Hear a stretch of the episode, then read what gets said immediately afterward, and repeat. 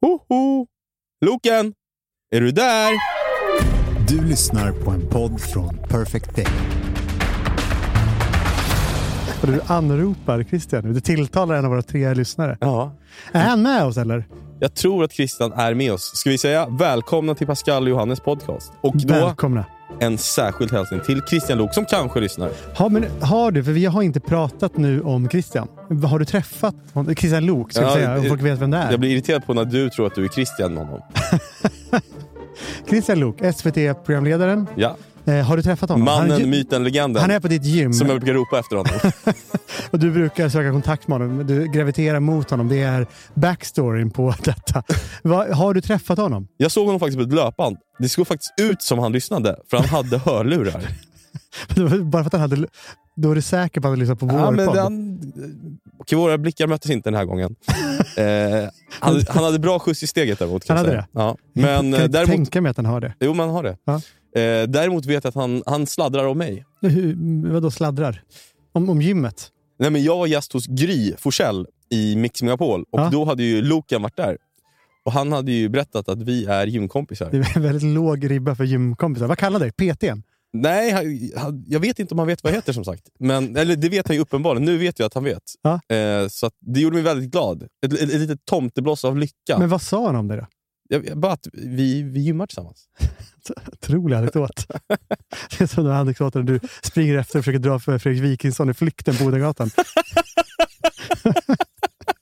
Eh, Men det är ju spännande det här, för jag, jag var ju med om en eh, märklig händelse när jag var ute med några journalist, mediamänniskor i, um, häromdagen. Du Tre har- dagar sedan. Du, har, du umgås antingen med gamla mediemänniskor eller de här um, komikerna då, inom cita, citationstecken heter det va? De här Hammarby-komikerna som, som säger, vad är det de säger? Att de inte vill vara med i Parlamentet, fast de aldrig någonsin har fått frågan. Ja, de, hela deras årsinkomst är ju lägre än en parlamentfaktura. Och det, det är de stolta över. Ja, det är de. Jag satt på en bar. Jag satt där med, med tre tjejer som jobbar inom media. Och Det var en väldigt speciell kväll. Det var liksom en kväll som bara fortsatte. Den började på en bar som stängde kanske klockan tio. Vi gick vidare till en bar som stängde klockan ett. Vi gick vidare till Stage som stängde klockan två eller tre. Stage i Hornstull. Pappa. Sunk. Pappa! Det var Dino. Det var Dino. Han var förvånad. Pappa borta säger jag väldigt ofta. Pappa borta flygplan sa han när vi var i Oslo. Det var hans första tre ord han satte ihop. Det var Aha, mörkt. Wow. Eh, ja, du var mest imp- eh, inte så imponerad av hans språkkunskaper eller? Nah, nej. Nej. Eh, Ingen nej, men, lingvist, Dino. nej, nej, det är han inte. Men han är väldigt tydlig med vad jag är och det är sällan hemma då. Eh, nej, men då, då sitter vi på stage. Vi går vidare till... Ja, men vet, man blir öppenhjärtig, det här vidriga ordet som man inte får använda på en kvällstidning i en intervju. Du gjorde det väldigt ofta. Eh, då vi hamnar på kasinot till slut. Det stänger ju typ aldrig, eller fem, sex på morgonen. Och där så börjar jag berätta en historia om en otrohetsaffär jag haft. Det är en... Vilken känner- av dem? Senaste? Sluta, det stämmer ju inte. Jag, fan. jag berättar en historia om när jag varit otrogen. Jag berättar om väldigt detaljerat, inte själva, själva liksom, otroheten, utan liksom, om hur jag mådde och liksom, om förhållandet. Det var, det var ett terapibesök nästan. Och jag känner två personer väldigt väl. Det fanns en tredje part där som vi kan kalla Jonna. Jonna säger inte så mycket under. Hon sitter och tittar på mig. Hon, hon är lite pillemarisk. Kvällen tar slut när klockan, ja, klockan är fem på morgonen. Vi går ut, vi ska dela taxi och Jonna bor på Södermalm, liksom jag. Så hon säger, ska vi inte dela en taxi? Det vill jag inte för att jag känner ju inte henne och så måste vi prata i bilen. Men jag, ja, jag pallar inte säga nej. Du vet hur det är. Vi sätter oss i bilen. Taxidörren hinner inte ens gå igen innan de säger, du vet att vi har träffats va? Och där får jag, det är ju något som har varit bekant med henne hela kvällen. Jag blir nervös. Jag tänker, är hon någon jag har varit otrogen med? Nej, det tänker jag inte, men nästan. Det, är liksom, det isar i bröstet. Jag säger nej. Eller nej, jag säger såklart ja. Mm, jag tänkte nästan det. Men då säger hon, du vet jag känner ditt ex va? Det är och exet jag pratat om då. Ja, det, nej, det, det vet jag inte. Då har ju liksom, hon har ju suttit där med sitt pillemariska leende och vetat att vi har träffats och bara suttit och liksom pumpat mig på information. För den här tjejen vet ju inte om att jag var otrogen. Det Ja, var det- väldigt länge sedan ska jag säga det här och vi ska liksom inte placera det i tid. För hon vet, ja, kanske vet hon det nu. Den här, den här Jonna har ju då... Det är ett övergrepp hon begår där. Hon hade väl kunnat, liksom, när jag började berätta historien, Alltså, vad ska hon säga? Ska hon, ska hon stoppa det? en disclaimer. Men borde inte sagt någonting? Är det inte fel? Eller? jag hade gjort samma sak. Hade inte du det? Jag, vi är ju inte direkt exemplet för god moral. Mm. Men jag tänkte på det nu, för det är precis det du gör om Loken. Hur fan menar du då? Du håller på att hovra runt honom på gymmet, pumpar honom på information och sen går du och sladdrar och slaskar i en podd om det efteråt. Ja, fast till mitt försvar, tydligen sladdrar ju han och mig i Mix Megapol också. Som, som faktiskt har lyssnare. det är sant. Jag tänkte faktiskt på det på vägen hit. Mm. Eh, jag, jag gick nämligen förbi en sån här plansch för föreställningen Mårten Svetkovic. Känner du till den? Jag vet ju att det är Det är komikern Mårten Andersson. den lite som har satt, outhärdliga komikern Mårten Andersson. jag gillar Mårten. Det är komikern Mårten Andersson som har satt upp en ny show. Vad heter hans shower förutom Mårten Svetkovic? Svetkovic. Eh, jag, jag går sällan på stand-up till skillnad från dig. Men du gillar Mårten? Du, du, du, du tycker Mårten är för mainstream. Det är för att inte dina komikerkompisar ska, ska pissa på det här.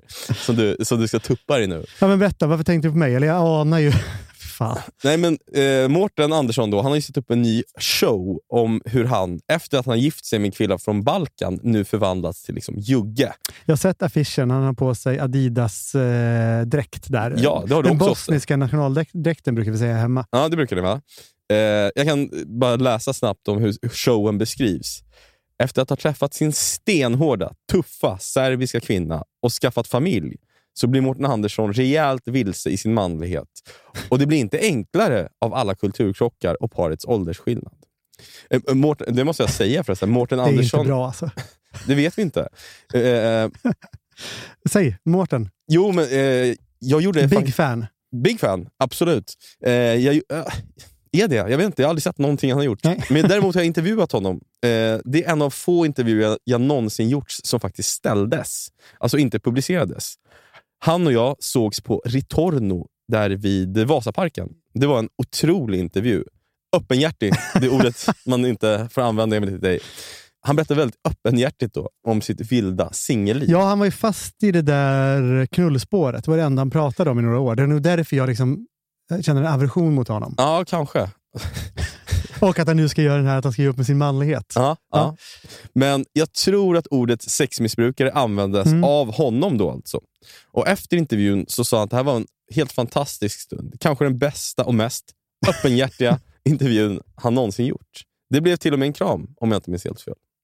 Så gick det två, tre dagar. Det är Eh, sällan distans till dina intervjupersoner. nej, jag, jag blir väldigt förälskad i Ja. dina intervjupersoner. Det är Du kom också- hem en gång och hade intervjuat Malin Olsson och så sa du bara, viskade du, hon är ett väsen. det där hittar du på. Det är sant. Malin Olsson är alltså program, barnprogramledare på Ja. SVT. Mm. Det stämmer ju inte. Det är sjukt att det gör det. Nej, det kan jag inte ha sagt. Det du inte sa det för redaktionen så dagar. Att hon var ett väsen. Ja. Vad fint av mig. Ja, det var Du ser, jag-. Jag ser människor. Ja. Två, tre dagar senare skickade jag då texten till Mårten för att han skulle godkänna citaten. Och plötsligt hade jag ju honom i luren. Han var väldigt uppgiven och ledsen. Han kan ha gråtit. Han eh, bönföll mig om att inte publicera det här. Och Då frågade jag om han ansåg sig vara felciterad och då sa han ja. Och Då förklarade jag, som man gör då, att eh, allt fanns ju på band eftersom det låg en bandare mellan oss. Vi spelar alltid in liksom, Mm. intervjuer just för att det här inte ska uppstå. Då ändrade han sin story. Då var han väldigt missnöjd med frågorna han hade fått. Det är otroligt. Då frågade Han är honom, kreativ Mårten. Ja. Jag börjar gilla honom ändå. då frågade jag så här, vad, vad borde jag frågat då? Och då sa han, alltså ordagrant, det här kommer jag aldrig glömma. Vad jag har för motto i livet, till exempel, sa han. Och då frågade jag, Han är som sökare Mårten. Ja, verkligen. Men Ja. då, då, då sa jag så här, men Mårten, om jag hade frågat dig, vad har du för motto i livet? Tror du att det hade blivit en bra intervju då? Ja, mycket bättre än det här, tyckte Mårten då. Till slut så ställde vi i alla fall den här publiceringen för att han var väldigt ledsen och jag, jag har ett hjärta. Men det jag undrade var, har Mårten Andersson hört av sig till dig inför liksom researchen av den här showen han nu är aktuell med? Till mig. Ja, men du har ju redan gjort den här resan så att säga. Du träffade ju Magda då på Expressen. Ja. Och förändringen kom ju väldigt snabbt. Jag brukade ju fråga på redaktionen om vi skulle ses i helgen, ta en öl eller så, men det gick ju absolut inte. Va? Hur då? Nej, men det var ju Jugge-konsert. Det var någon kroatisk popstjärna som ni skulle se på någon jävla fritidsgård i. Alby. Du fattade ju inte ett ord såklart, men du gick dit vecka ut och vecka in. Du levde med, livrädd för att förlora Magda till en riktig jugge. Hon sa väldigt ofta att jag var den enda killen hon varit ihop med som var svensk. Det sa hon väldigt ofta. Och Det var nästan som att det var, liksom, det var, det var inte positivt. Nej, nej. Nej. Det var kanske därför förändringen sen liksom började gå i raketfart. Plötsligt började all, liksom, det var ajde hit och ajde dit. Du sket i allt. Plötsligt slutade du äta gris. Frågade man dig om vi skulle så här, dela en charktallrik, då fick du något väldigt jagat i Ja, blicken. det stämmer ju till och med. Ja. Jag får inte äta gris, sa du de första gångerna. Fan, det sa jag ju. Jo, det sa du. Sa jag? Ja. Ja, just det. Hon vill inte pussa mig då. Nej, Nej. Just det. Och Och sen det är blev- helt stört hon ja. på med. Och sen blev det, nej, jag äter inte gris. Radikaliserades kan man säga. Ja, det kan man Ja. verkligen säga. Sen... Men eh, Mårtens tjej är serb, han äter ju bara gris. Ja, sant. Sen skulle du köpa en ny, ny bil och du förklarade att den var tvungen att ha bra acceleration. Varför då, undrade jag. Jo, det är jävligt viktigt när man gör omkörningar på de slingriga vägarna i Har Bosnien. du varit i Bosnien? Nej, Jag höll på att dö tre gånger när jag var där i somras. ja. Vid omkörning. Men det enda jag kunde tänka på var, du bor på Södermalm, slår Magda skämdes så mycket för mig när jag åkte... ja, det, det, jag åkte ner för nedförsbacke. Det var en lång rak sträcka. Det var väldigt säker mark. Jag körde enligt hastighetsbegränsningen som var kanske bara, det är alltid 30 kilometer i timmen. Och Det kom liksom traktorer och körde om mig. Det var, liksom en, det var en karavan av bilar. Halva Bosnien åkte efter mig och alla tutade i kör. En kakafoni av tutor. Hon har- aldrig skämt så mycket för mig för att jag, för, för att jag följer reglerna. Det gör man inte i Bosnien. Man har inte bilbälte heller i Bosnien. Det har man bara i Sverige. Man får dricka när man kör bil, tydligen. Men sen började det komma upp bilder på Instagram. Du satt då i olika soffor, klädd i Adidas-byxor. Du skaffade en ny frisyr, började raka av dig håret på sidorna. Och Jag har alltid undrat, hur gick det till rent praktiskt? Tog du med dig en bild till frisören då, på någon krigsförbrytare? Klipp mig som den här killen som sitter i åtalad i Haag. Var det, var det så du sa? Nej, vet du vad? Det du sysslar med, det hade du kunnat bli cancellad för. Det kallas kulturell appropriering. Du har kulturellt approprierat Balkan. Och det är faktiskt förvånande att du inte har blivit cancellad eller fått mer skit för det här. Men, eh, men Mårten, han har inte hört av sig er, till dig, er Balkan Boys emellan eller? Nej, Föreslagit att ni skulle ses över en pita eller vad det heter och snacka lite show. Vad var det fel på uttalet nu? Det där hade du planerat din jävel. Nej, han har inte hört av mig. Säg till mig. Han har inte det. Nej. Nej. Hur har påsken varit annars? Firar, Varför firar ni inte påsk? Mårten cancellad? Vi firar inte påsk. Det är ramadan för hela slanten. Det är upp i gryningen och käka dadlar innan solen går upp över Ringvägen. Har eh, Magda sillisar? Ursäkta. Har hon plastat in bröna? Nej, jag bara- Vad ska det här leda? Jag, jag bara undrar. Det Ja. var nämligen så att när jag och Linnea skulle söka förskola till Benjamin i somras, eh, så var vi på några olika Och det här frågade du pedagogerna då? Nej. Nej. Så, så var vi på några olika förskolor. Och På en av de här förskolorna så var det en pappa, som alltså också var med på det här öppna huset, som eh, frågade Linnea om eh, hon hade silikonbröst. Nej. Jo. Nej. Eh, Men, ha, nej, men, hur? Nej, men Det var det som jag började fundera på. Och Det han sa var att eh, han tyckte att something didn't add up. Kan du översätta det? kan du översätta det för Loken? Luken pratade inte engelska, han är SVT-skadad. Han var så textat. Ja, men vad fan. Eh, nej men vad säger du? Kan man fråga någon, eh, en kvinna som man inte känner om hon har silikonbröst? Du kanske har frågat eh, jag vet inte, de andra barnens mammor på, på Dinos förskola medan ni sätter på ungarna overaller? Liksom. Nej. Nej, nej, jag tror inte man kan fråga det. nej, nej jag, jag håller nog med. Ehm, och det här ska... Men vad var det menar med something didn't add up? Jag vet inte. Jag vet, jag, Linnea frågade Ge inte. oss scenen. När skedde det? Hur skedde det? Ja, men som jag förstår det så var det så att eh, på det öppna huset då, så fick föräldrarna gå iväg ett tag och då eh, frågade han om de skulle ta en promenad i parken. I en park i närheten av den, den här förskolan. Där, där borde ju Linnea tänkt att something didn't add up. Ja, men, nej, men hon, hon tyckte väl det var trevligt. Liksom. Ja. Och då ställde han i alla fall den här frågan. Och egentligen ska det väl inte handla om just frågan, men den ledde i sin tur till en av kanske de mest märkliga dagar jag haft med, med Linnea. För det tog kanske två veckor innan hon berättade om den här frågan. Och när hon väl gjorde det så såg jag på henne att hon tyckte det var jobbigt. Dels själva frågan och dels att det hade gått så lång tid sedan det hände till det att hon faktiskt berättade det. Ja, Hon kände att det fanns en typ skuld i att hon inte hade berättat. Då. Ja, något sånt kanske. Ja. Ehm, och Jag tyckte att han hade betett sig som en jävla idiot. Men jag vill ju, precis som du nu också, liksom försöka förstå hur stor idiot han faktiskt var. ja, för man, man reagerar ju. Man det. gör ju det. Det är, det, är förvånans, det är förvånansvärt beteende då. Ja, men, och då kände jag, jag är ute på minerad mark nu, men jag frågade här, väldigt försiktigt, så här, noga med att hon inte skulle känna att jag la någon som helst skuld på henne. Men vad pratar ni om? Liksom, hur, hur kom frågan upp? eh, Det, det låter inte... Nej, jag jag vet. vet. men det låter... Frågorna, ja, de, de, de låter inte. ja, nej, men, och då, då sa hon att hon inte mindes, att det liksom blev helt svart när han frågade. Eh, för att hon då blev så chockad. Och Det blev väldigt konstigt mellan oss, vilket inte bådade gott eftersom vi till kvällen skulle gå ut och ha, eh, vi ska ha barnvakt och eh, gå ut och ta en drink. Och Först vill jag kanske verkligen understryka, det är ju Linneas kropp. Om hon vill diskutera den eh, med någon så tycker jag hon ska göra det. Det ligger, lägger jag mig inte alls i. Till skillnad från dig och Magda, vars relation som liksom ständigt befinner sig på upphällningen, eh, ett bråk ifrån eh, delad vårdnad om Dino, så är vi ganska stabila. Vi bråkar nästan aldrig. Och vi har en väldigt öppen relation. Eh, Linnea har min Ni- mobilkod. Jag har hennes... andra och så. Vad sa du? Öppen. Hur? Nej, Nej. Eh, inte så, så att vi blir bjudna på swingersfester Nej. med dig och Magda. Men, nej, men vi har en väldigt öppen relation. Hon har liksom min mobilkod, jag har hennes mobilkod. Och Det är inte för att vi kollar igenom varandras mobiler, vad jag vet i alla fall, utan för att det känns enklare. Eh, hon har lösenord till alla mina sociala medier. För Jag vill liksom aldrig, att, jag vill aldrig så ett frö ens till en misstanke att jag skulle dölja något för henne. För det gör jag ju inte. Hur har du och Magda med sånt? Eh, hon har alla mina inloggningar, jag har inga av hennes. Jag fick efter fem år hennes den här fyrsiffriga koden till telefonen. Aha. Hon har alltså Face ID på, på sig själv på min telefon, men jag hade alltså inte ens hennes kod. Men har du kollat igenom en partners mobiltelefon någon gång? Aldrig faktiskt. Jag har gjort det en gång. Och Det var när jag och ett av mina ex var på gränsen till att göra slut. Vi bråkade hela tiden. Nej, Det är en varningsklocka Johannes, kan jag säga. Ehm, det var en Jag skulle säga att det är en varningsklocka att aldrig bråka. Jag, jag vill bara lägga in det där, så kan vi återvända om tio år till den här stunden.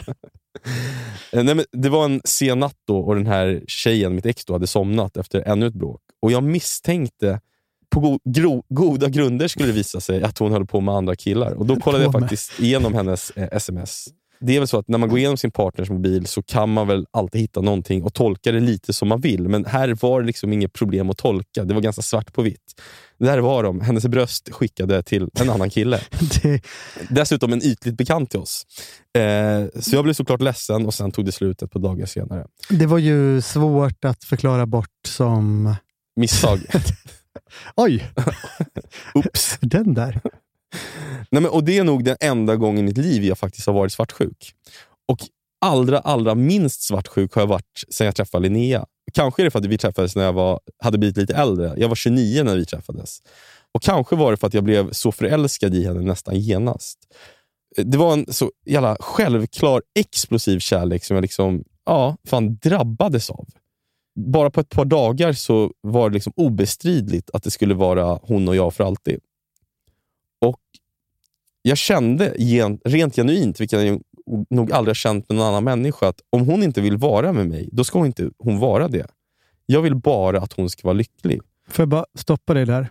Har det här segmentet att göra med det inlägg Linnea gjorde på Instagram efter förra avsnittet? Vad skrev hon då?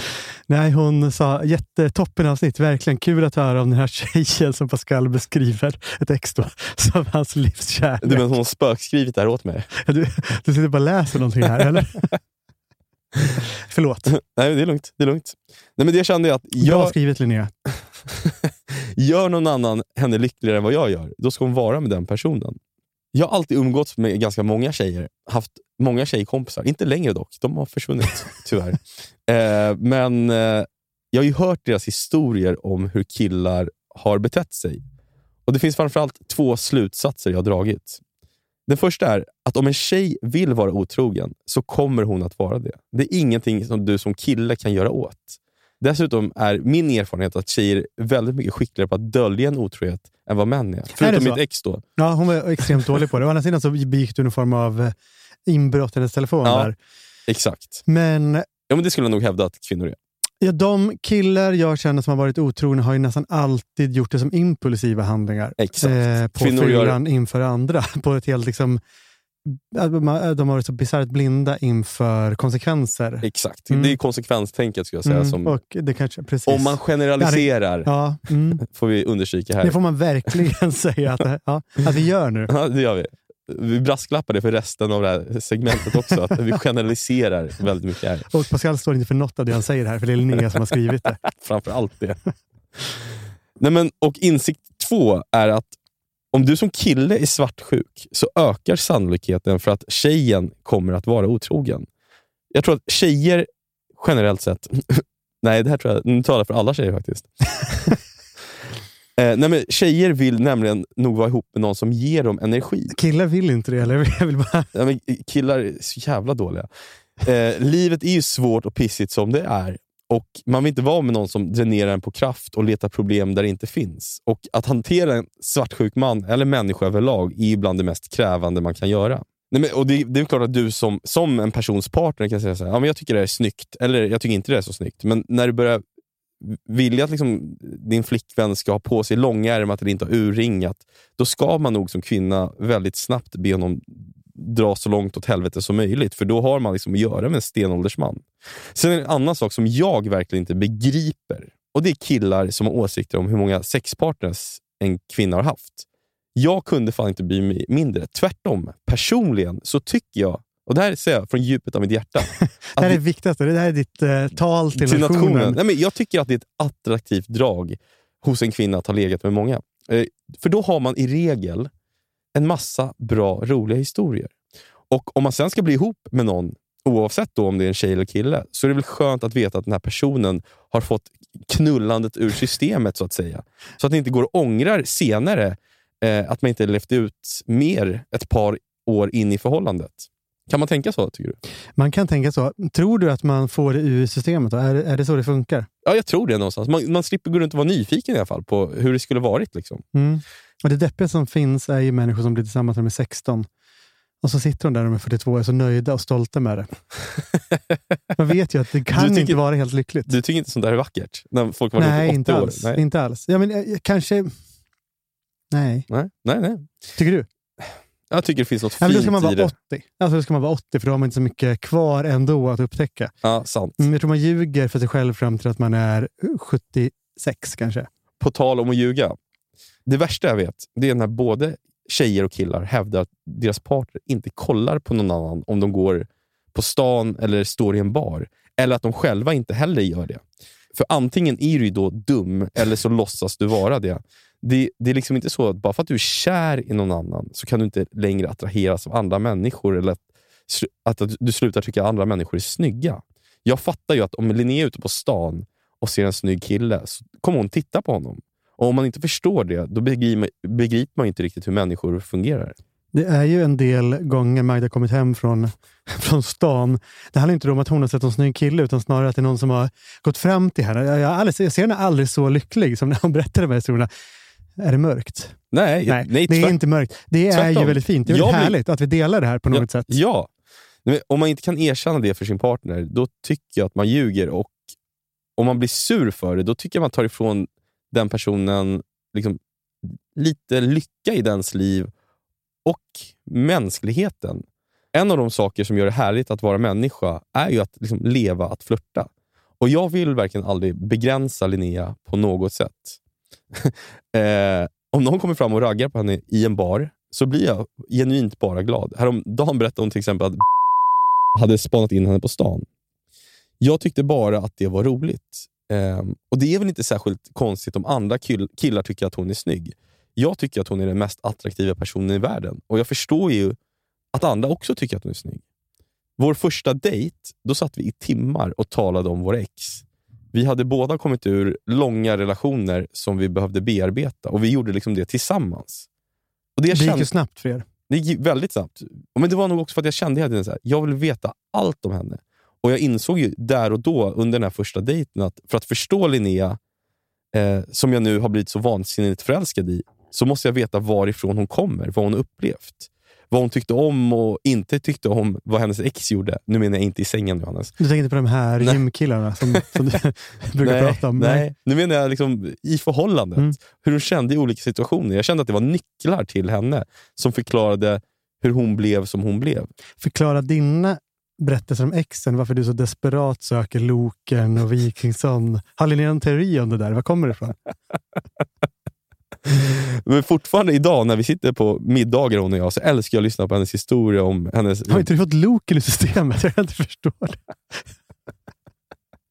om hennes gamla one night stands. Någon artist hon har varit med eller när hon som 16-åring åkte på så här stökiga charterresor och betedde sig som en liten gris. Det är fan det mest romantiska jag vet. Och när jag känner mig som absolut närmast Linnea, det är när jag får höra henne sitta och berätta om misslyckade gamla dejter hon har blivit besatt av, en känd artist som hon hoppat i säng med, ungdomsfyllor. För ah, det där har ju allt med mig att göra, samtidigt som det inte har någonting alls med mig att göra. Det är de där små, små historierna som gör henne tredimensionell.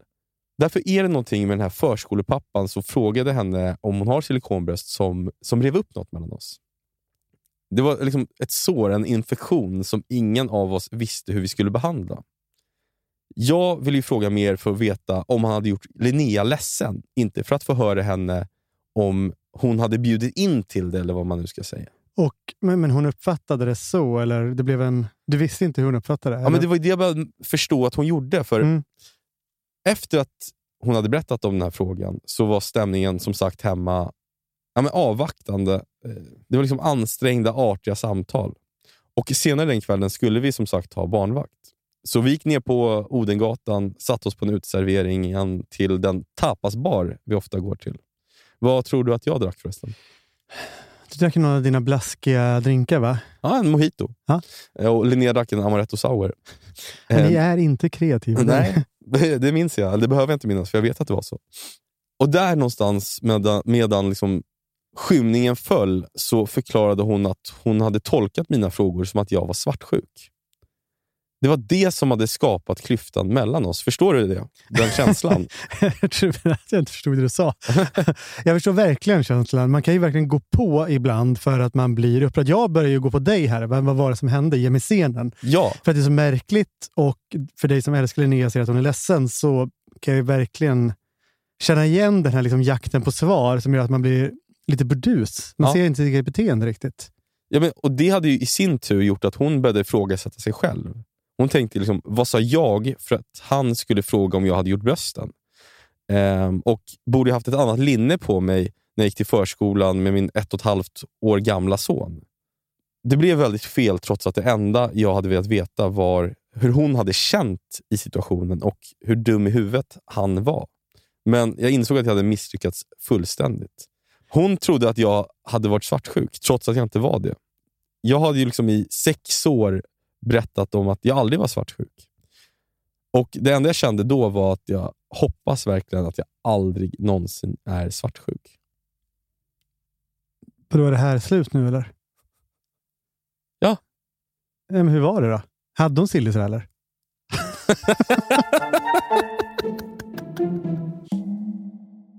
det hände något för ett par dagar sedan som skakade om mig i grunden. Det var kanske det... Jag vet inte vad jag ska hitta för ord på det, men man kan säga väl att det var det finaste, det största någon gjort för mig. Men för att jag ska kunna berätta det så måste jag berätta om Magda. Du, du känner till Magda? Oh ja. Du gör det? Du, Mm. du minns hur vi träffades? Smutsigt var det va?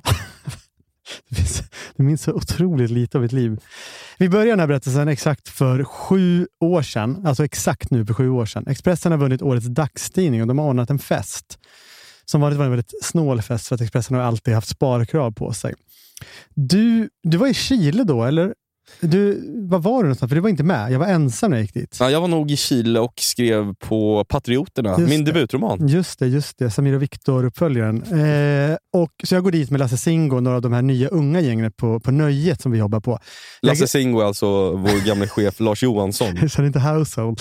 Jag är ganska ensam utanför på den här festen. Jag cirkulerar, jag söker mig runt efter någon jag faktiskt vill prata med. Alltid lite rädd för Magnus Alselind, så jag går långt ifrån honom, redaktionschefen. Efter någon timme så hamnar jag på dansgolvet. Jag blir stående orörlig där. För där står hon, Magda. Hon dansar. Det är inte så många som gör det på Expressen. Jag har inte sett att hon var på festen och jag blir nervös för hon och jag har inte pratat på ett halvår. Jag vet inte om jag ska våga gå fram till henne. Det här är alltså innan vi blir ihop. Jag har en annan tjej här som har flyttat till Grekland för att volontära med flyktingkrisen. Varför har du och Magda inte pratat med varandra? Ja, men det är det som är grejen. Det är något outtalat. Det är, det är något som vi båda vet, men som vi inte vågat beröra. Jag ska försöka att förklara. Magda började på Expressen ett år tidigare. Hon svepte in i ett moln av parfym. Varje kväll så gick hon in på toaletten och fixade sig för olika dejter. Och sen, sen kände man en ny parfym. Alltså liksom 30 meter kunde man känna den doften. Och en massa killar blev kära i henne och jag, jag blev ju det jag med, även om jag inte förstod det då. Vi jobbade i samma skift och började chatta om Bruce Jenners könskorrigering. Han blev ju Caitlyn Jenner då. Och efter några veckor, det var helt sjuka vinklar som olika amerikanska sajter skrev om detta, som vi skickade till varandra. Om hans adamsäpple och sådär. Det, det började som ditt ungefär, som en, som en, som en tumör och sen var det plötsligt borta. Jag har ett väldigt, väldigt eh, framträdande adamsäpple. Det, det, har du. det är faktiskt någon person på Instagram som som för några år sedan började skicka bilder på mig, alltså zoomade in mitt adamsäpple på olika bilder och skickade dem till En cancerläkare? Nej, jag hoppas inte det. det, nej, det nej, jag tror inte Han kändes inte som en cancerläkare. Nej. Efter några veckor så började jag och Magda skriva till varandra dygnet runt. När vi jobbade, när vi var lediga, när jag satt i soffan bredvid min tjej. Vi pratade alltså inte om något jag opassande. Sa, jag sa att det var smutsigt. vi, vi sa inget opassande, vi gjorde inget opassande. Men det kändes fel. Det kom liksom för nära. när Det kom... Det kändes för mycket. Och bara det faktum att vi aldrig berörde min tjej eller hennes dejter, det sa väl egentligen allt. Det var det vi utelämnade som var opassande, inte det vi sa till varandra. Så utan att prata om det så kom vi båda på varsitt håll fram till samma beslut. Vi slutade skriva till varandra. Och sedan på jobbet så slutade vi hälsa på varandra. Det var helt sjukt. Det var som att vi inte kände varandra plötsligt. Jag minns att det var, det var sorgligt. Men tillbaka till festen. Du förstår att jag är nervös här på dansgolvet. Och hon ser mig. Och Då ler hon mot mig. Hon får något utmanande i blicken. Jag tror att hennes ögon säger, men ska du inte hälsa? Och med liksom, Det bara bultar i brösten när jag går fram där och jag känner den här muren av parfym som alltid omringar henne. Och hon säger till mig, pratar du med mig nu? Det är så speciellt. För det faktum att vi inte pratade, det är ju outtalat. Vi ska inte beröra det. Men ändå säger hon det bara, bara sådär. Jag vet inte vad jag ska svara och jag hinner inte komma upp med något. Jag står bara och stirrar henne i ögonen, känner bara, hennes parfym bränner i näsan. Och så säger hon, har inte du tjej? Och det har vi heller aldrig pratat om. Jag, jag vet inte ens hur hon kan veta det. Hon bara antar, antar jag. Hon är väldigt kaxig och jag blir väldigt liten. Och Det är en sorg som liksom bubblar upp inom mig. För Jag vill ju vara nära henne. Det är, det är liksom allt jag vet där. Och jag vet också att jag inte kan. Det är nog första gången jag uttalar det ens för mig själv. Att det är hon jag ska vara med, som jag måste vara. Så jag kramar henne. Jag drar henne till mig. Lite för länge håller jag henne där. Jag ser att folk som jobbar med oss stirrar snett på oss. För vi, de vet ju inte att vi känner varandra. Vi har ju bara chattat. Och låten tar slut och det är ett, det är ett väldigt märkligt låtval som görs. If I should stay Magda lösgör sig från min kram och hon ser på mig. Hon läser det som bara hon gör, alltid med något liksom provocerande i ögonen. Som att det är en lek, ett spel, det där flörtandet som du pratade om tidigare. Ska du inte dansa med mig? frågar hon. Och jag drar henne till mig och vi står där och dansar. Det är tätt, det blir varmt, våra kollegor stirrar på oss. Jag förstår att jag aldrig kan bli fri från den här känslan. Att jag måste ta sönder det liv jag har för att börja det liv jag vill leva. Nu är det maj. Det har gått en månad. Jag och Magda har setts under våren på olika barer. Det har börjat med att vi ska promenera från jobbet över Västerbron tillsammans efter arbetsdagen och slutar med att vi sitter på stage vid Hornstull till stängning. Vi har bara pratat och, och gråtit. Vi är inte ihop. Jag har ju tjej. Vi vet att det här inte går. Och hon skulle dessutom inte kunna gå in i något med mig. Det säger hon. Då skulle, du bara bli ett, då skulle jag bara bli ett rebound. Hon litar inte på mig. I slutet av maj så kommer mitt ex hem från Grekland. Dagen innan ringer jag till Magda och gör slut. Det är den värsta, alltså vi är inte ihop. Det är den värsta dagen i mitt liv. Vi gråter så mycket. Fast vi aldrig haft något, mer än några timmar på barer då och då. Det är väl för att vi liksom krossar något eh, som knappt hunnit utvecklas till annat än en dröm. Jag möter mitt ex på flygplatsen dagen efter. Vi pussas. Det känns så konstigt och jag märker att hon också tycker det. Det är som att vi vet att det här är den sista kyssen, att allt redan är över. Vi liksom flämtar till. Vi har slutat prata under resan och jag vet inte varför. Vi förlovades innan hon åkte, men nu är det som att, som att vi inte känner varandra. Du tatuerade in hennes namn på din kropp också va? Ja, efter att hon hade tatuerat in mitt och skickat en bild. Hon har inte ringen på sig när hon kommer hem. Det är också ett tydligt tecken. Men den där pussen, det är nog det som ändå blir det slutgiltiga beviset, att det inte längre är vi. Vi kommer hem till lägenheten vi bor i. Den ligger i Årsta. Jag vågar inte fråga om den här ringen. Och Jag minns mycket lite av de dagar som, som följer. Bara tystnaden, de här trevande, snälla samtalen. Vi är två främlingar som, som vet allt om varandra och som försöker att inte tränga sig på. Den tredje dagen står jag inte ut. Jag åker till min vän Birk och jag dricker mig berusad där. Jag berättar hur jag känner. Allt det där som jag inte ens vågat erkänna för mig själv. Jag, jag berättar om Magda. Jag minns att ångesten liksom darrade i bröstet. Det var en fysisk känsla. Att den tog så mycket plats att jag fick svårt att andas. Jag hade varit med om det tidigare. Till slut måste jag gå hem. Jag klarar inte mer. Jag går från Hammarbyhöjden till Årsta. Det är nästan sommar. Kent har släppt sin, sin sista skiva. Och Det känns som ett tecken på något sätt. Jag lyssnar på den på vägen hem.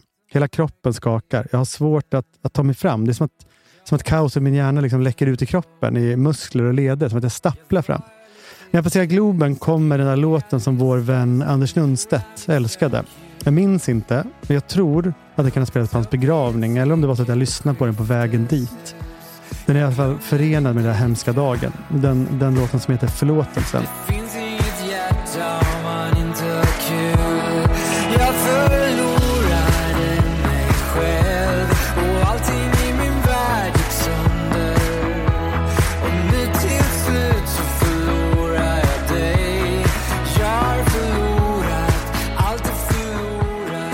Jag börjar gråta. Jag bestämmer mig. Jag måste riva upp livet som jag känner det. Den natten gör vi slut. Jag och min dåvarande tjej. Det vi gör det gemensamt och tillsammans. Det är något märkligt fint över det där. Hon har sådana där smala cigaretter som man hade då med sig från Grekland och smakar något, om det kanske är jasmin. Säger man jasmin? Jasmin? Vad säger man? Jasmin. Jasmin. Konstigt att jag inte vet det. Vi röker de här och vi lyssnar på Kens sista platta tillsammans. Där, det finns en låt där som heter Den sista sången. Förstod du nu att hon hade träffat en annan redan i Grekland? Jag vet inte, ställ inga frågor. Nej. Eh, Du ville bara lyssna på Kens sista pla- platta. Men vi varit tillsammans länge. Jag ville, ehm, jag ville dela den här sista stunden ändå. Alla vi runt dig såg det här. Du prat, vi var oroliga för det, vi pratade så mycket om det här. Ja, jag vet Förstår han verkligen inte att har du skaffat en ny eh, kille där nere? Det. Ja, jag, det var, inte, det var liksom inte så tyst. Det var väldigt eh, vokala med, med det här. Ja, men vi var tvungna att få det förstå. Vid tretiden ringer hon en taxi och åker hem till en vän. Jag vinkar av henne. Jag står på balkongen och vinkar till henne. Sen tänder jag en av de här cigaretterna och ringer till Magda. Hon är, ute, hon är ute på fest. Jag gråter och jag berättar vad som har hänt. Hon frågar om jag inte vill träffa henne på torsdag. Det är om två dagar. Jag sover inte den natten. Jag bara röker där, står på balkongen, väntar och längtar. Jag minns att himlen är alldeles så här dovt, dovt blå.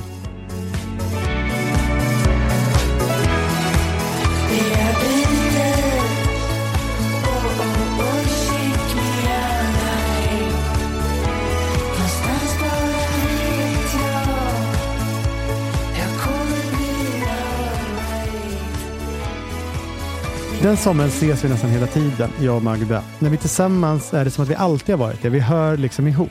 När vi inte ses så är det som att jag ska förlora henne för gott. Det är skakigt och det gör ont. För Magda håller emot hela tiden. Hon är rädd. Rädd att jag ska inse att jag gjort ett misstag. Rädd att själv bli kär tror jag. Satsa på någon som kanske inte är redo att bli satsad på. Någon som är för trasig för att riktigt klara av att älska. Det är en jakt det här och jag jagar henne, hennes kärlek och bekräftelse genom sommaren. Och hon försöker fly undan. Jag säger till henne, kan vi inte bestämma oss? Kan det inte bara vara vi nu? Men hon vill vänta, hålla oss hemliga, inte lova något. För hon tror inte att jag är redo att göra det. Jag förstår henne inte och det skapar en spricka mellan oss. Den blir djupare desto mer jag försöker.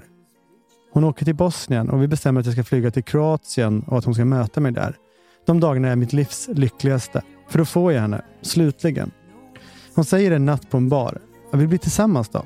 Det är vi nu. Och vi gråter när vi går hem i natten. Jag minns att vi tar en bild, den första som par, utanför en parkeringsplats. Och från en bar längre bort så hör jag en sång. Den sammanfattar allt jag känt hela sommaren. Min ständiga jakt på att få vara, vara nära Magda. Få henne att förstå att vi hör ihop. Och inte bara för den här sommaren, utan för alla somrar.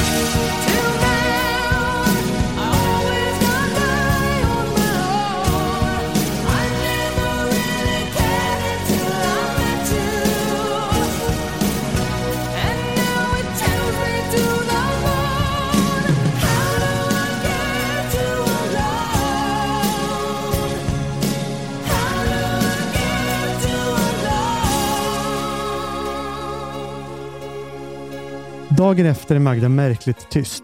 Jag ska åka hem och på vägen till flygbussen frågar jag till slut vad det är. Jag kan inte vara tillsammans med någon som röker, säger hon. jag tar upp den där ciggen och jag kastar den. Så säger jag. Nu kan vi vara tillsammans. Men hon skrattar inte åt den här, den här otroligt romantiska gesten. Jag tycker inte vi ska säga att vi är ihop till någon, säger hon. Det är nog bra om du hinner landa lite i det. Vi hinner inte prata mer för hennes kompis kommer, ska möta henne där. Hon kommer tidigare än vi trott med flygbussen. Och det är ett ex Pascal. Ja, det är mitt ex. Ja, Härligt. de, de ska där på en singelresa. Ja, va? ja det, de gillade hon. Ja. Men när vi säger hej då så känns det som att jag förlorat allt. Och det är en lång jävla flygning jag har framför mig. Jag ska byta typ tre, fyra gånger. Fast jag bara ska åka liksom från Kroatien till Stockholm. Det är obegripligt hur jag kunde boka det här flyget. Jag är röksugen så jag köper cigg på flygplatsen. För Magda tvivlade på mig. Men det finns inget rökrum där i Split. Jag mellanlandar i, i Belgrad på Nikola Tesla Airport. Jag har panik då, för jag har insett att jag har ju förlorat Magda igen. Att jag inte kommer få en chans att försöka få tillbaka henne förrän hon är i Sverige och det är flera veckor kvar. Jag letar maniskt efter ett rökrum, men alla bokstäver är kyrilliska. Jag googlar som en dåre. Jag hittar en flera år gammal tråd på ett forum. Det är en vägbeskrivning från en SIG-konnässör. Om du tar dig till den nedstängda terminalen och går så långt du kan så finns en omärkt trappa på höger sida. Gå till herrarnas och välj båset längst till vänster. Där finns det enda fönstret på flygplatsen som går att öppna. Jag antar att det är Mårten Andersson som har skrivit det där. Kan vara. Jag vill inte hamna i serbiskt fängelse, så jag är nervös när jag kommer ner där. Det är helt öde, det är inte ens städat där. Men dörren är låst på det enda båset där man får röka. Och det, det sipprar ut så rök under. Jag står och väntar där. Efter en stund öppnas dörren. Det är en flygplatspolis som kommer ut. Han ler, håller upp den åt mig i dörren, blinkar mot mig. Omkring honom, det är bara ett stort moln av rök. Han har rökt säkert sex cigaretter i rad där. Vi står där som två edsvurna rökare. Ja, det är fint. Det är en vacker bild. Eller hur? Jag gillar den. det har ingenting Verkligen. med berättelsen att göra, men jag tycker ändå det är starkt på något sätt. Ja. Det är mitt livs bästa cigarett. På planet bläddrade jag igenom bilderna jag och Magda tagit under resan. Jag spelade den där låten som spelades på baren när vi blev ihop. Den som heter Alone. Jag fastnar på en bild från kvällen när vi just har blivit ihop. Det beslut som Magda just har återkallat. Och plötsligt hör jag ett märkligt ljud i lurarna. Jag liksom vrider mig runt där i sätet. Det är någon som skrattar. Jag är nästan säker på att jag känner igen skrattet. Och Det återkommer. det är samma skratt om och om igen. Och det får det att vibrera så där i bröstet. Det måste ha med mig att göra. Jag stänger av låten. Skrattet är kvar. Det är alltså inte i, låten eller på flygplanet någon skrattar. Ja, det här är 2016 och livebilder är något nytt på iPhone. Du vet om man håller tummen kvar på bilden så spelas en kort videosnutt upp. Men det jag inte förstått där är att den även fångar ljudet när bilden togs. Det har jag fortfarande inte förstått. Jag kunde nästan ana det. Det är därför jag hade med en förklaring. Alla andra fattar. Men det är Magdas skratt jag hör. Skrattet när vi sagt att vi älskar varandra. Att vi ska leva ihop. Det är det som jag tror mig ha förlorat. What do you mean?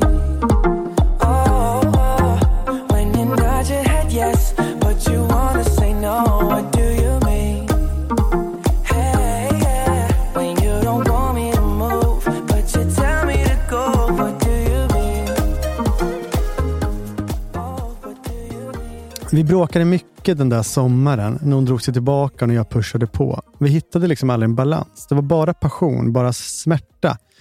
Det var bara kärlek och den där kampen. Som att det var förbjudet fortfarande för oss att vara tillsammans och, för att vi, och vi slogs på liksom helt fel sätt. Hon brukade håna min musiksmak, kalla den för deppig. Själv spelade hon bara Pitbull och Beyoncé. Så glada låtar, festliga, du vet, ytliga, platta, dängor. Ja. ja. Eh, sånt som du lyssnar på. Nej, det gör jag absolut inte. Jag är ju en Lars Winnerbäck-man. Mojito-killar-musik. Fast jag lyssnar ju i stort sett bara på Lars Winnerbäck. Ja, det gör du. Ja. Men ibland hittade jag henne på golvet i lägenheten. Med, med, hon satt där, det var, musiken var på hög volym. Den var deppig, den strömmade från tvn. Det var låtar på bosniska. De lät allvarliga. Banden hette saker som Servina Jabuka och Bielo Dugme och Plavi Orkestra. Inte att alla de där namnen tror jag är liksom färger. Ja. Och när hon vände sig upp och såg på mig så grät hon. Det var då jag förstod att hon ville ju inte känna någonting. De här ytliga låtarna är ett skydd. Och detsamma gällde henne och mig. Jag kom för nära. Precis som de här bosniska sångerna. Hon bar på för mycket. Hade förlorat för mycket. Lyfte man på locket där så kokade det bara över. Ett helt liv vällde fram när hennes familj slets upp och flydde ett krig som egentligen aldrig tog slut. Hur skulle hon kunna lita på mig?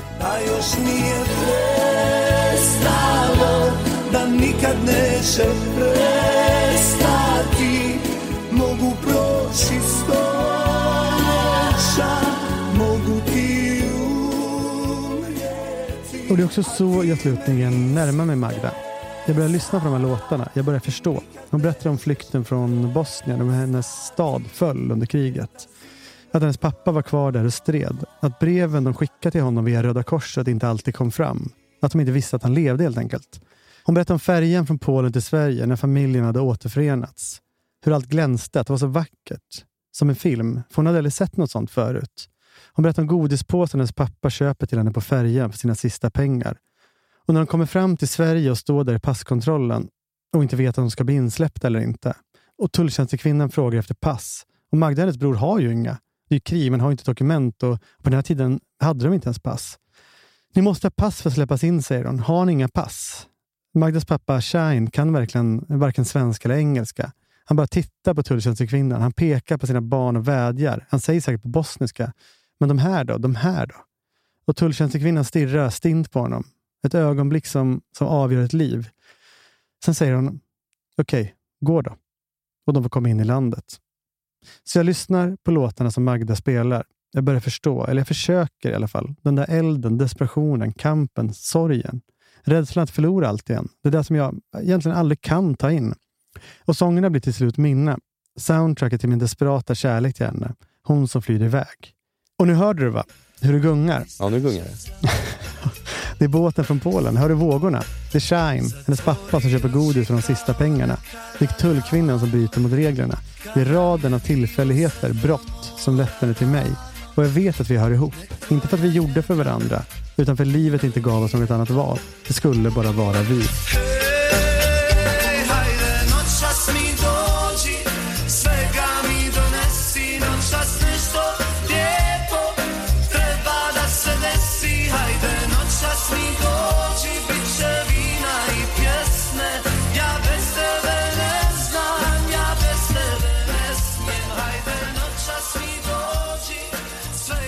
Och vi blir ihop. Spoiler alert. Det, du känner till det va? Det gör jag. Bra. Det blir vi, mitt livs kärlek. Vi skapar ett liv, ett språk, en värld. Vi får barn. Dino. Han och hon är allt jag, någonsin önskat mig. Men ändå räcker det inte alltid. Ibland är det som att livet bara kommer ikapp och går om. Jag klarar inte av att vara den jag vill vara och kanske gör inte hon heller det, för till slut kör vi fast. Och det här är så nutid då. Jag vet inte vad det är, men det tar stopp. Vi slutar förstå. Och då kommer de där olikheterna tillbaka. För när vi bråkar, då säger Magda vad som helst. De säger motsatsen till vad hon menar. Det här, det här känner du till. De kan säga galna grejer. Ja, det, det har jag hört. Jag är inte alls så. Jag får Aspergers. Jag hänger upp mig på varje detalj. Det är vidrigt. Men när det kommer till kärlek, då, då säger hon precis vad hon menar. Hon går rakt på liksom känslan. Det, är- det är förvirrande. För jag bara fastnar här formuleringarna, i argumenten, i det rationella. Så vi, låter, vi låser oss. Vi sluter oss. Vi kan inte bryta igenom varandras skal. Vi blir lika rädda som, som för sju år sedan.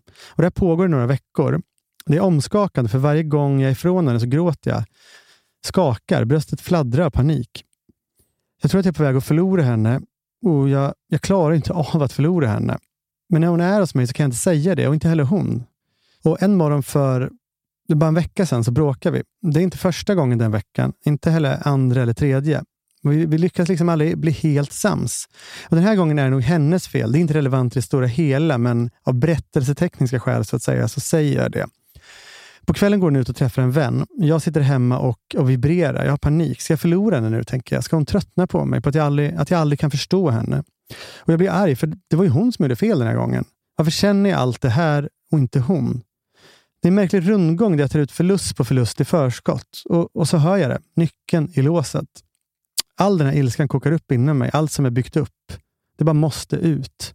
Och Det är nu vi kommer fram till det omskakande som jag var inne på här i början. Det här största, finaste någon, någon någonsin har gjort mot mig. För hon bara ler mot mig, som att ingenting har hänt. Sen säger hon, jag vill att vi ska göra en sak och du får inte säga nej nu. Det här är Maxim. Han vill också vara med och leka. Va? Strap-on på dig. Jävla... Nej, nej, nej. Jag är så arg här. Jag säger nej, jag vill inte. Vad fan, var den är så pallar jag inte. Men hon skiter i det. Vi ska dansa, säger hon. Jag tycker, jag tycker hon är dum i huvudet här. Men hon är bestämd. Hon startar tvn och öppnar Spotify där på någon app. Hon säger, jag hörde en låt på folkbaren som fick mig att tänka på dig. Vet du vilken det är? Jag gissar på Dino Merlin eller på den där Weekend-låten som var överallt när vi var i Puerto Rico för, några, för fem år sedan. Eller på någon Elvis-låt som vi spelade när vi körde bil från Chicago till Los Angeles. Nej, säger hon. Hon började skriva in bokstäverna med fjärrkontrollen. Och då minns jag den där festen för sju år sedan. När hon slog armarna om mig på dansgolvet och sa Pratar du med mig nu? Jag trodde du hade tjej. Det är det hon gör nu. Hon rycker upp mig ur den här dvalan. Hon, hon skakar om mig och säger Hallå, jag är ju här. Jag är ju här.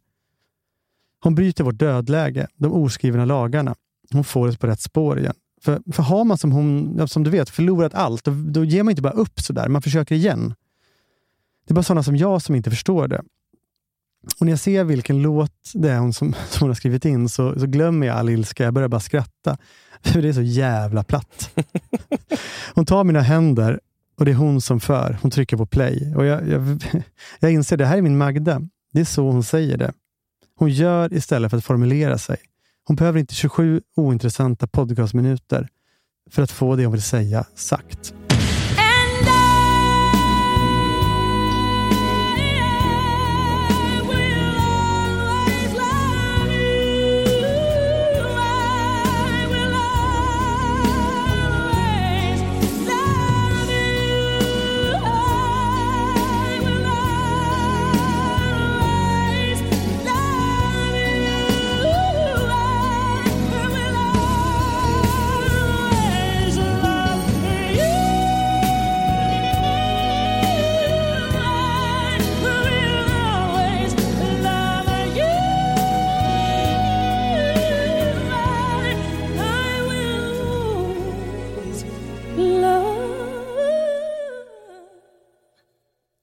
Hoho.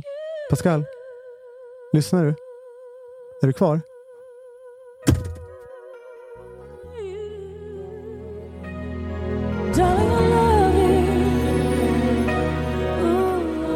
Alex, kan du, kan, kan du lägga in några, några... Har du några gamla hummande på Pascal du kan lägga in här i alla fall?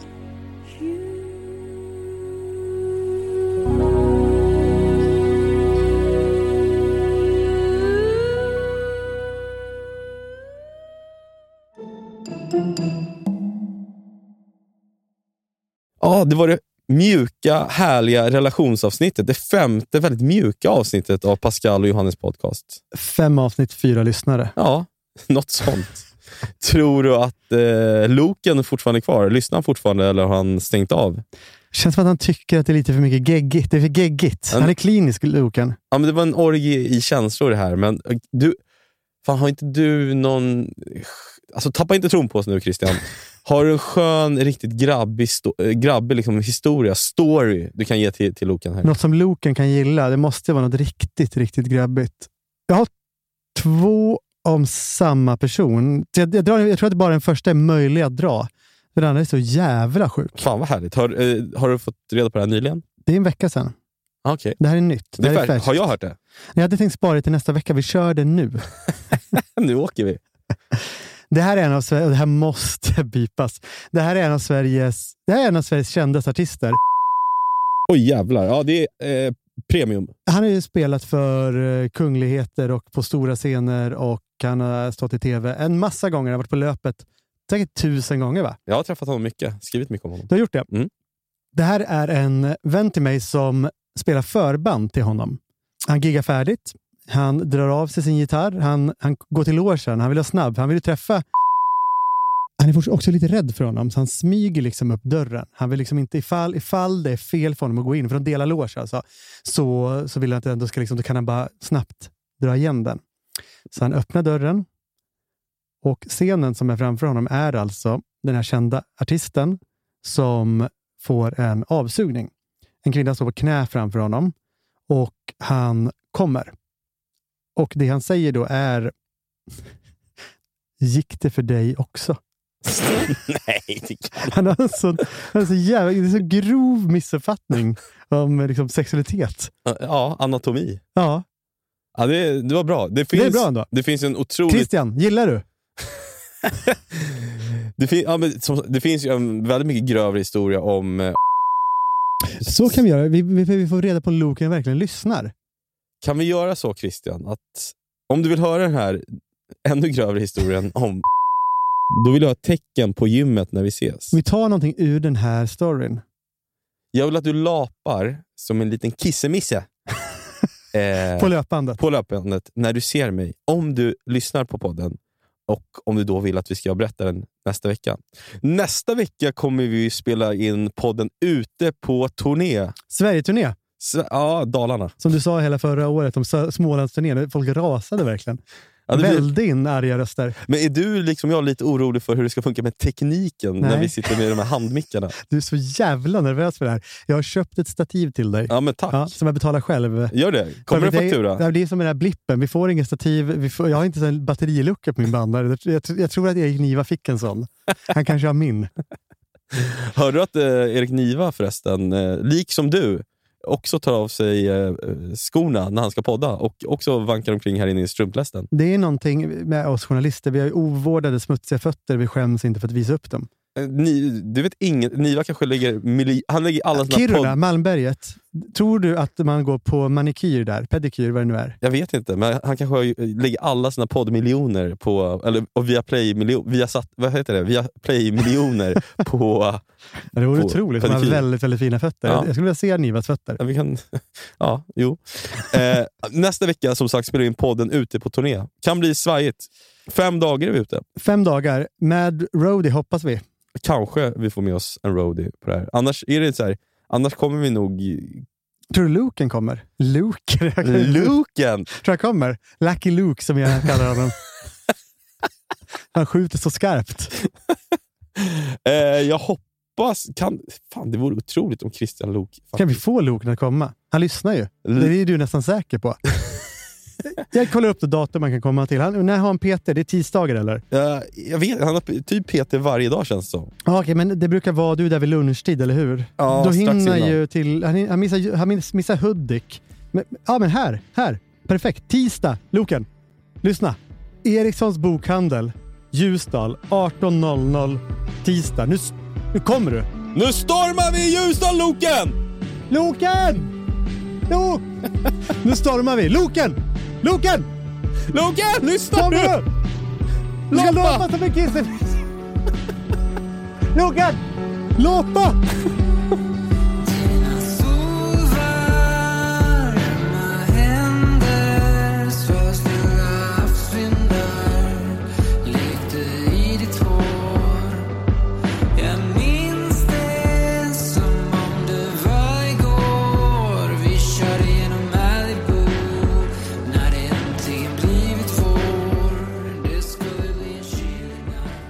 Eh, jag kan varna er för att Selåkers segment är eh, typ fem timmar långt.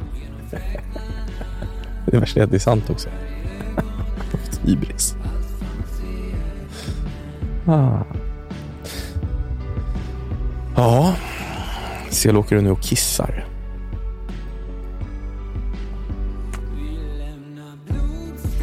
Jag har fått ett mail från min agent.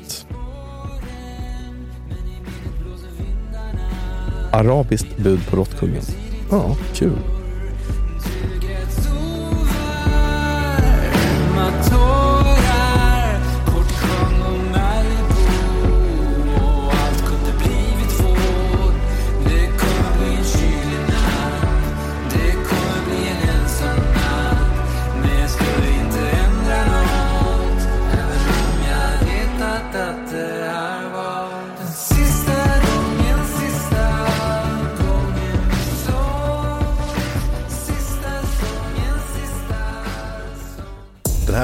Podcasten är producerad av Perfect Day Media.